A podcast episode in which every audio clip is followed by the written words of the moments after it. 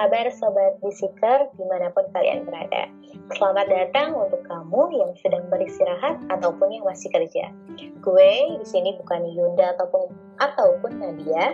Di sini gue Shiva mengakuisisi podcast CFE nih dari oh ya di sini gue mau cerita pengalaman gue tentang volunteering dari BCKFE bicara asik bareng Youth for Education. Nah, di sini gue mau bercerita tentang uh, lebih karakter-karakter anak ya, karakter-karakter anak yang ditemuin di setiap negara yang pernah gue kunjungi untuk volunteering. Uh, pertama, pas volunteering di Thailand. Volunteering di Thailand itu hari terakhir itu kita ada acara untuk uh, kayak jangan santai gitu ke belakang sekolah itu ke gunung gunung satu-satunya di sana di belakang. Nah di sana itu ada acara uh, post to post. Tahu kali ya ospek gimana kayak post to post gitu? Di setiap posnya itu ada perlombaan. Nah gue amati nih pas perlombaan. Nah bicara tentang anak kecil dan karakternya nih gue sebenarnya udah hafal beberapa karakter anak kecil. Salah satunya ini yang gue temuin di sini itu tentang jiwa pesaing mereka. Gitu sih yang gue lihat tuh kayaknya um, kayaknya sih kayak buat anak tuh ya gue mikir gini ya kayaknya bagusnya buat anak itu uh, nanemin sikap kolaborasi buat anak-anak itu buat gue ya jauh lebih bagus sih daripada jiwa kompetisi. Uh, so soalnya di sana mereka itu ditanamkan untuk berkolaborasi. Di situ mereka uh, lomba untuk estafet karet. Gue berpikir lah menanamkan bukan menanamkan sikap kompetisi tapi kolaborasi. Karena kenapa? Uh, tumbuh jadi dewasa yang menyayangi menurut gue itu eh, sorry sorry tumbuh dewasa yang menyayangi menurut gue lebih baik daripada tumbuh dewasa yang menyayangi gitu sih. Soalnya gue lihatnya nantinya nah, ketika kita menumbuhkan rasa sayang atau uh, sikap kolaborasi itu akan tumbuh sikap menyayangi akan tumbuh sikap menyayangi dari si anak itu. Jadi besarnya nanti uh, si anak itu juga si anak itu tuh gak akan bakal merasa lebih baik dan yang dan paling baik dan paling benar di antara teman-teman yang lain yang pertama poinnya itu adalah menanamkan sikap kolaborasi jauh lebih baik daripada jiwa kompetisi. Dan uh, aku suka banget, aku, gue, gue suka banget uh, sistem pendidikan di Vietnam, eh di Thailand, sorry. Karena apa? Uh, karena di sana si siswa itu diajarin benar-benar respect sama guru even uh, ketika mereka um, meminta atau diberikan sesuatu kepada guru yang didahulukan bukanlah diambil.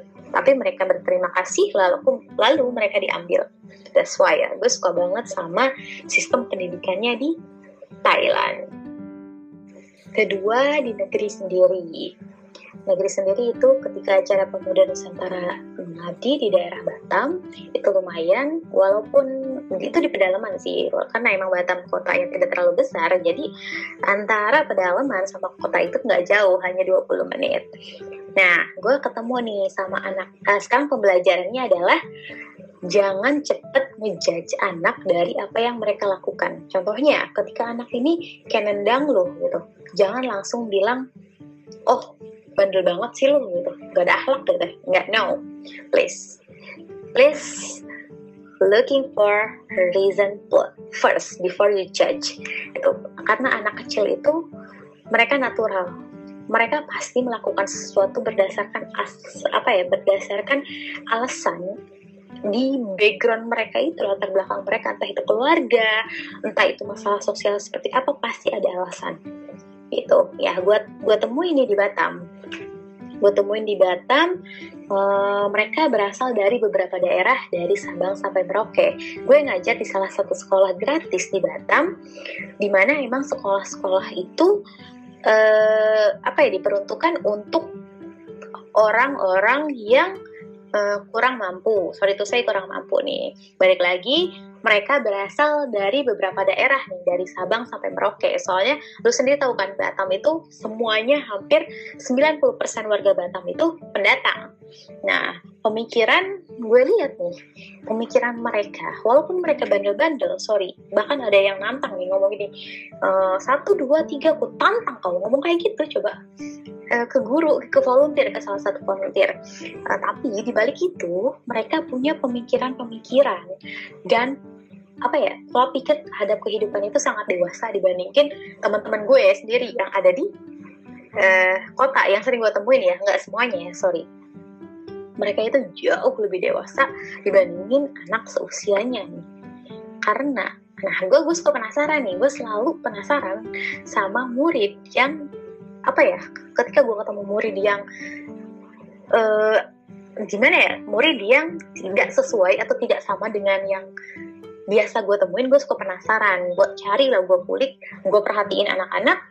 Gue beberapa observe gue interview juga uh, dengan pendekatan itu pendekatannya emang harus pendekatan bener-bener bener-bener personal approach ketika lu nemuin murid yang beda banget gitu tapi ternyata setelah gue ajak ngobrol lebih dalam ternyata pemikiran mereka dan pola pikir tingkah mereka itu kayak gila ini orang dewasa banget ya gitu pemikirannya gitu. Terus juga terus terus udah nah, ternyata udah gue deket nih udah tahu ceritanya. Nah masalah-masalah tuh besar banget. Masalah-masalah mereka itu besar banget sehingga masalah tersebut itu bisa membentuk mereka nah Selain itu juga dikombinasikanlah dengan keluarbiasaan sistem pendidikan yang diterapkan di sekolah tersebut, namanya SD Juara Batam. Di sana eh, siswa itu belajar secara cuma-cuma gratis, tapi dengan sistem pendidikan yang mereka dapatkan hampir setara dengan sekolah-sekolah internasional.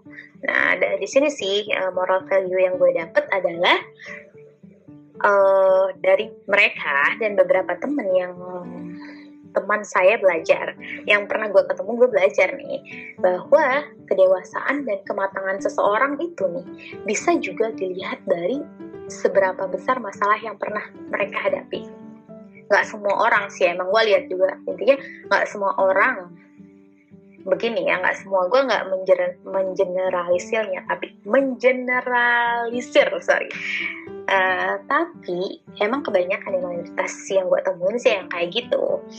Mereka itu kadang orang yang emang dewasa dengan latar belakang problem gitu big problem. Mereka itu nggak hanya pinter dari segi pemahaman teori-teori yang berasal dari pemikiran eksternal aja. Maksud pemikiran eksternal itu dari mereka lihat uh, dari mereka baca buku, dari dengar-dengar dari kata uh, guru-gurunya atau etc lah ya.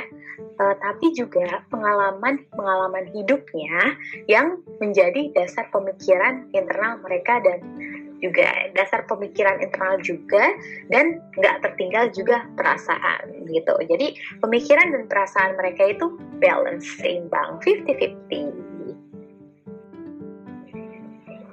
Yang selanjutnya, uh, eh, gue mendapatkan pelajaran memahami anak kecil, murid gitu ya, di Vietnam. Gue ngajar di Vietnam selama enam bulan. Di sana gue uh, bertemu sama anak dari umur 3 sampai 14 tahun. Gue mau cerita sama tentang anak yang tiga tahun nih. Anak tiga tahun itu, nih ya, sama gue itu, gue datang baru masuk dari pintu, mereka udah kayak kru. Eh kru. Sorry sorry. Kru itu Thailand. Kok kok Shiva. Mereka udah meluk udah cium tuh hampir sekelas itu mereka nyium. Gitu kalau nggak percaya ya bisa lihat di Instagram gue @nurbanishiva. Sekalian promosi. Uh, bisa lihat juga ya. Di sana mereka meluk bener-bener nih. Setelah gue ini orang kenapa ini anak-anak maksudnya kenapa ya? Gitu ya pas gue lihat ternyata emang sistem pendidikan di sana gue nggak tahu ya hmm, eh, kalau berbicara tentang sistem pendidikan terlalu luas karena itu cangkupannya government. Mungkin uh, cara guru ya gue lebih ke cara guru mengajar di sana itu lumayan keras dibandingkan guru Indonesia dan cara gue ngajar. Cara gue ngajar honest gue kayak emang uh, ngomong banget dan emang nggak pernah sama sekali yang namanya ada marah. Nah sehingga emang mungkin si anak-anak ngerasa nyaman kali karena you know yang bikin gue kaget itu anak umur 3 tahun dia ngomong aja, ngomong berisik aja dibentak.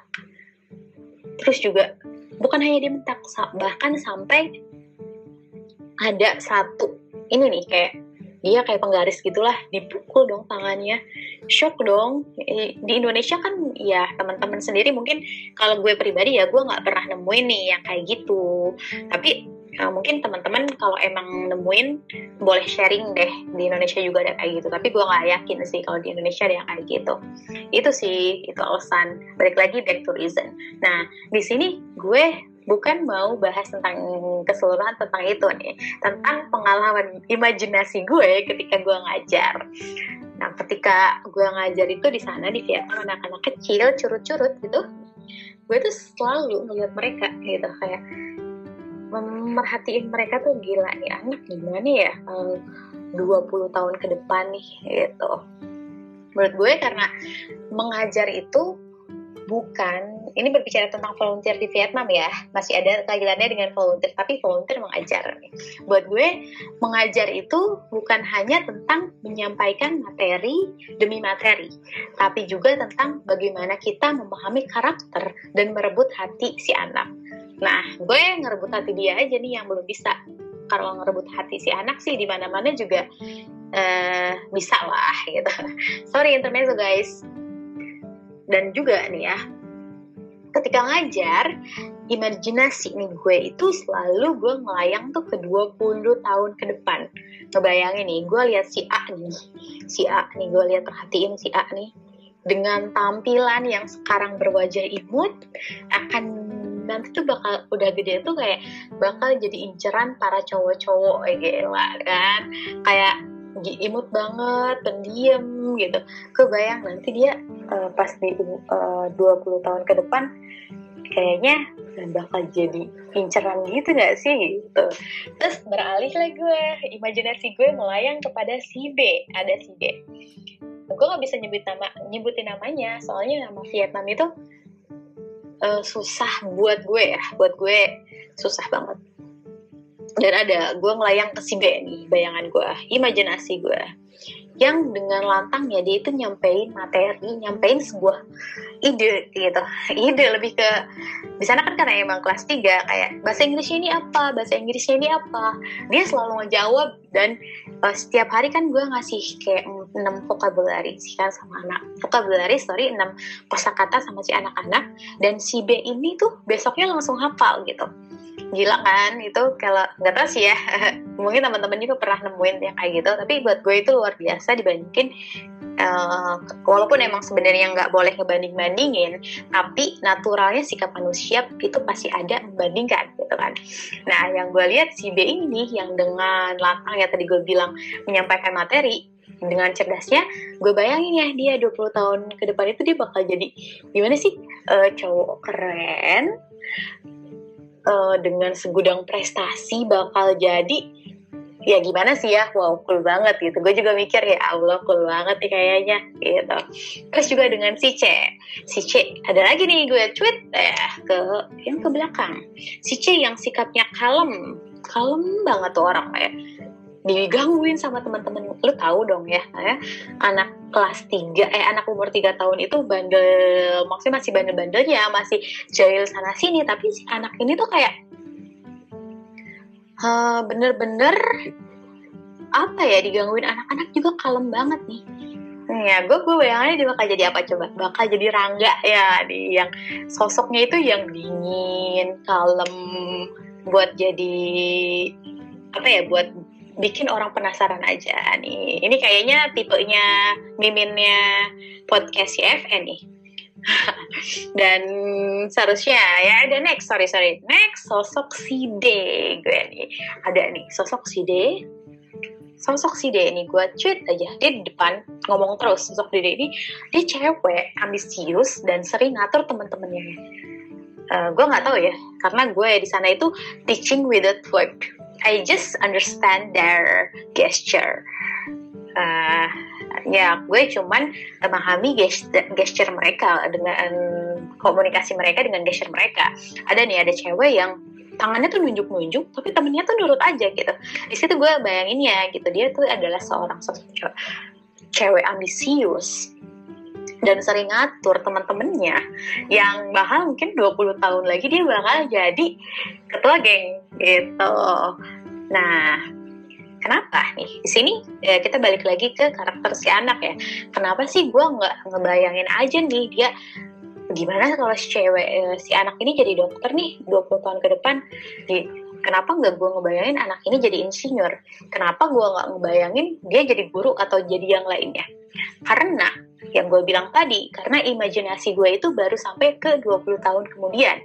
Karena ketika mereka berada di angka 23 tahun uh, itu kayaknya masih kuliah atau apa ya. Lagi pula kan menurut gue sih this is my opinion pure my opinion. If you have any other opinion please share in the direct message uh, youth for education instagram.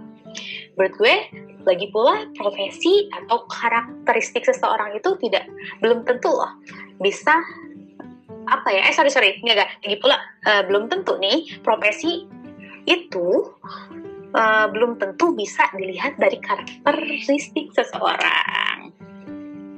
Nah selanjutnya di Indonesia, balik lagi ke Indonesia, waktu gue ngajar di sekolah kanker. Di sana gue haru banget sih, soalnya kenapa? Karena uh, di balik kondisi mereka yang gimana ya di balik kondisi mereka yang kurang sehat gitu. You know lah kanker gimana gue nggak nggak akan bahas kankernya di sini tapi gue bakal bahas si anaknya uh, dengan kondisi mereka yang uh, yang kita lihat kita lebih sehat gitu ya.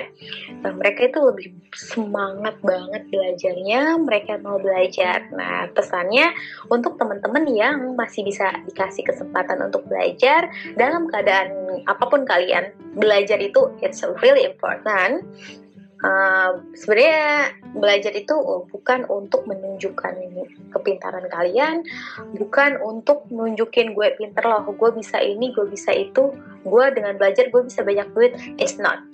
Belajar itu sebenarnya untuk kamu memahami sesuatu dari sebanyak sudut pandang.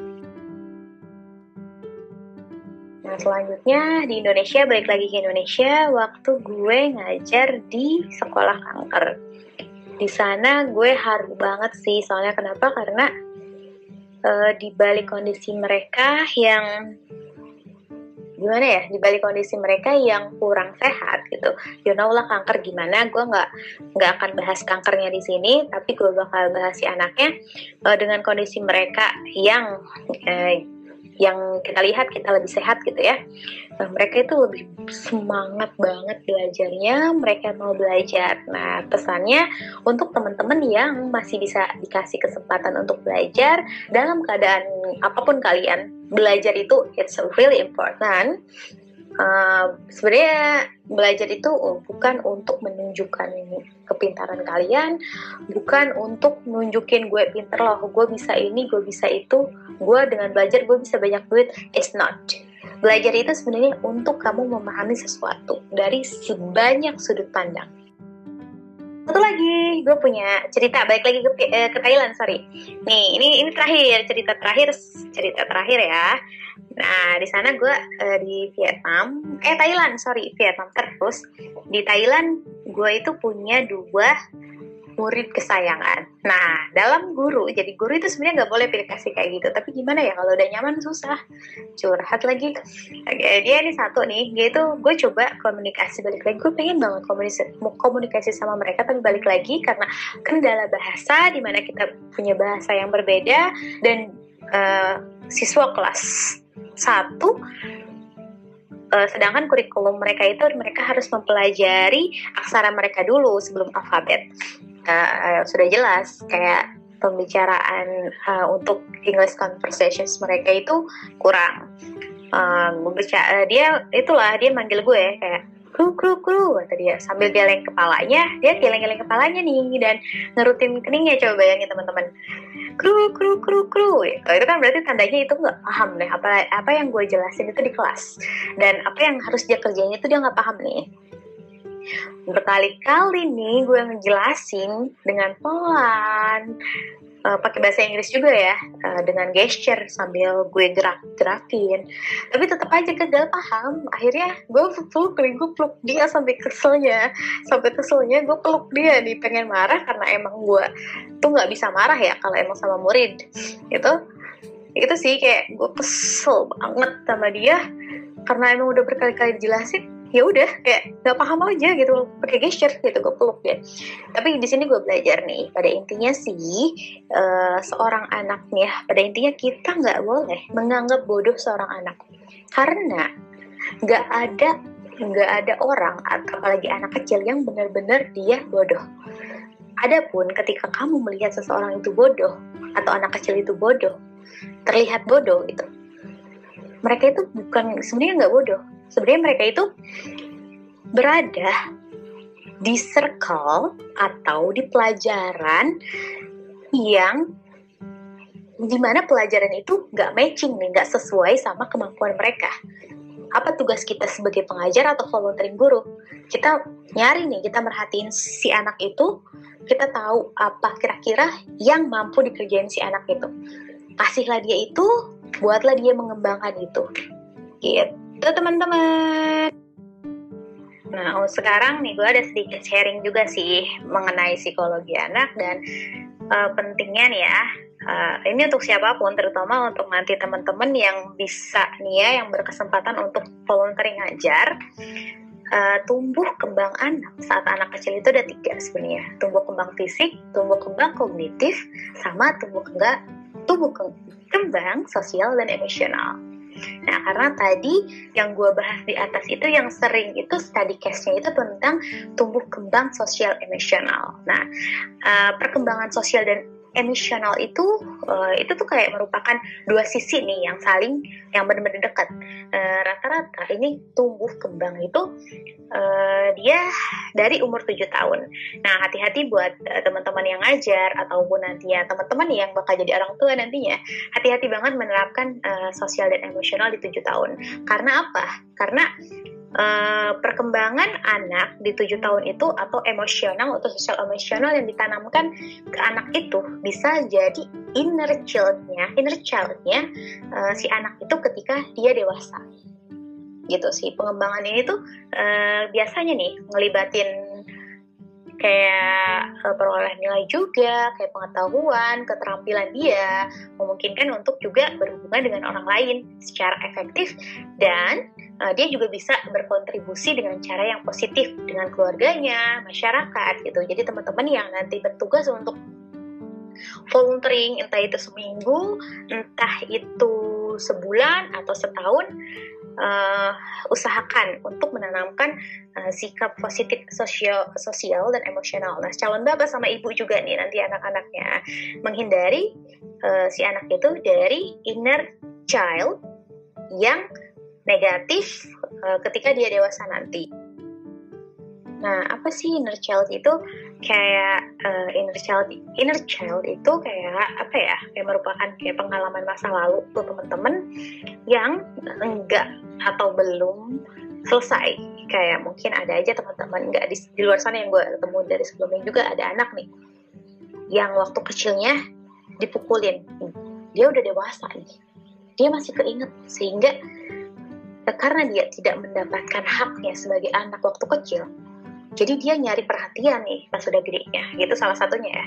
Itu tanpa kita sadari itu uh, sebenarnya itu itu kayak bawaan dari kecil sikap sikap dari kecil yang mana dia belum pernah mendapatkan sehingga dia penasaran dia masih nyari loh gue masih butuh ini loh di hidup dia gitu juga orang dua sebenarnya bukan cuma negatif sih ya, positif juga. That's why kenapa kita harus perhatiin banget tumbuh kembang sosial si anak itu dari kecil. Itu inner child juga uh, bisa muncul ya sebenarnya emang untuk orang dewasa sih uh, justru inner child ini keluar uh, dalam keadaan yang tidak disadari. Sorry teman-teman, ini bonus ya, bonus sharing. Uh, soalnya I really like to share about children, about children karakteristik. Uh, gue senang banget sharing tentang anak kecil nih, apalagi kalau uh, memahami anak kecil di setiap negara, di setiap tempat yang pernah gue datangin volunteering, gitu teman-teman. Oke, okay, nah itu dia sharing. Sorry banyak bonusnya. Itu sharing dari gue beberapa sedikit pengalaman yang bisa gue sharing dan uh, at last goodbye and jangan lupa ikutin terus sosial media Youth for Education di Instagram. Kalian bisa cari at Youth for Education empatnya pakai eh pakai empat ya. Lalu di Facebook ada Youth for Education kita juga punya Twitter loh sekarang yaitu at Youth for Educat. Educatnya nggak pakai e ya at y o u t h f o r e d u c a t dua duanya pakai angka. Nah, kalau kalian mau lihat kegiatan Youth for Education sebelumnya, bisa mampir ke website kita di www.youthforeducation.org. Nah, kita juga buka kesempatan untuk teman-teman berkolaborasi nih. Nih, teman-teman yang mau berkolaborasi atau mau ngasih cerita juga nih bisa uh, atau mau kirim kritik atau saran bisa ke email Youth for Education yaitu di pod, visit Basic Podcast at youthforeducations.org. Oke, okay, mungkin segitu aja teman-teman. Uh, semoga kita bisa bertemu di volunteering pada acara-acara Youth for Education selanjutnya. See you.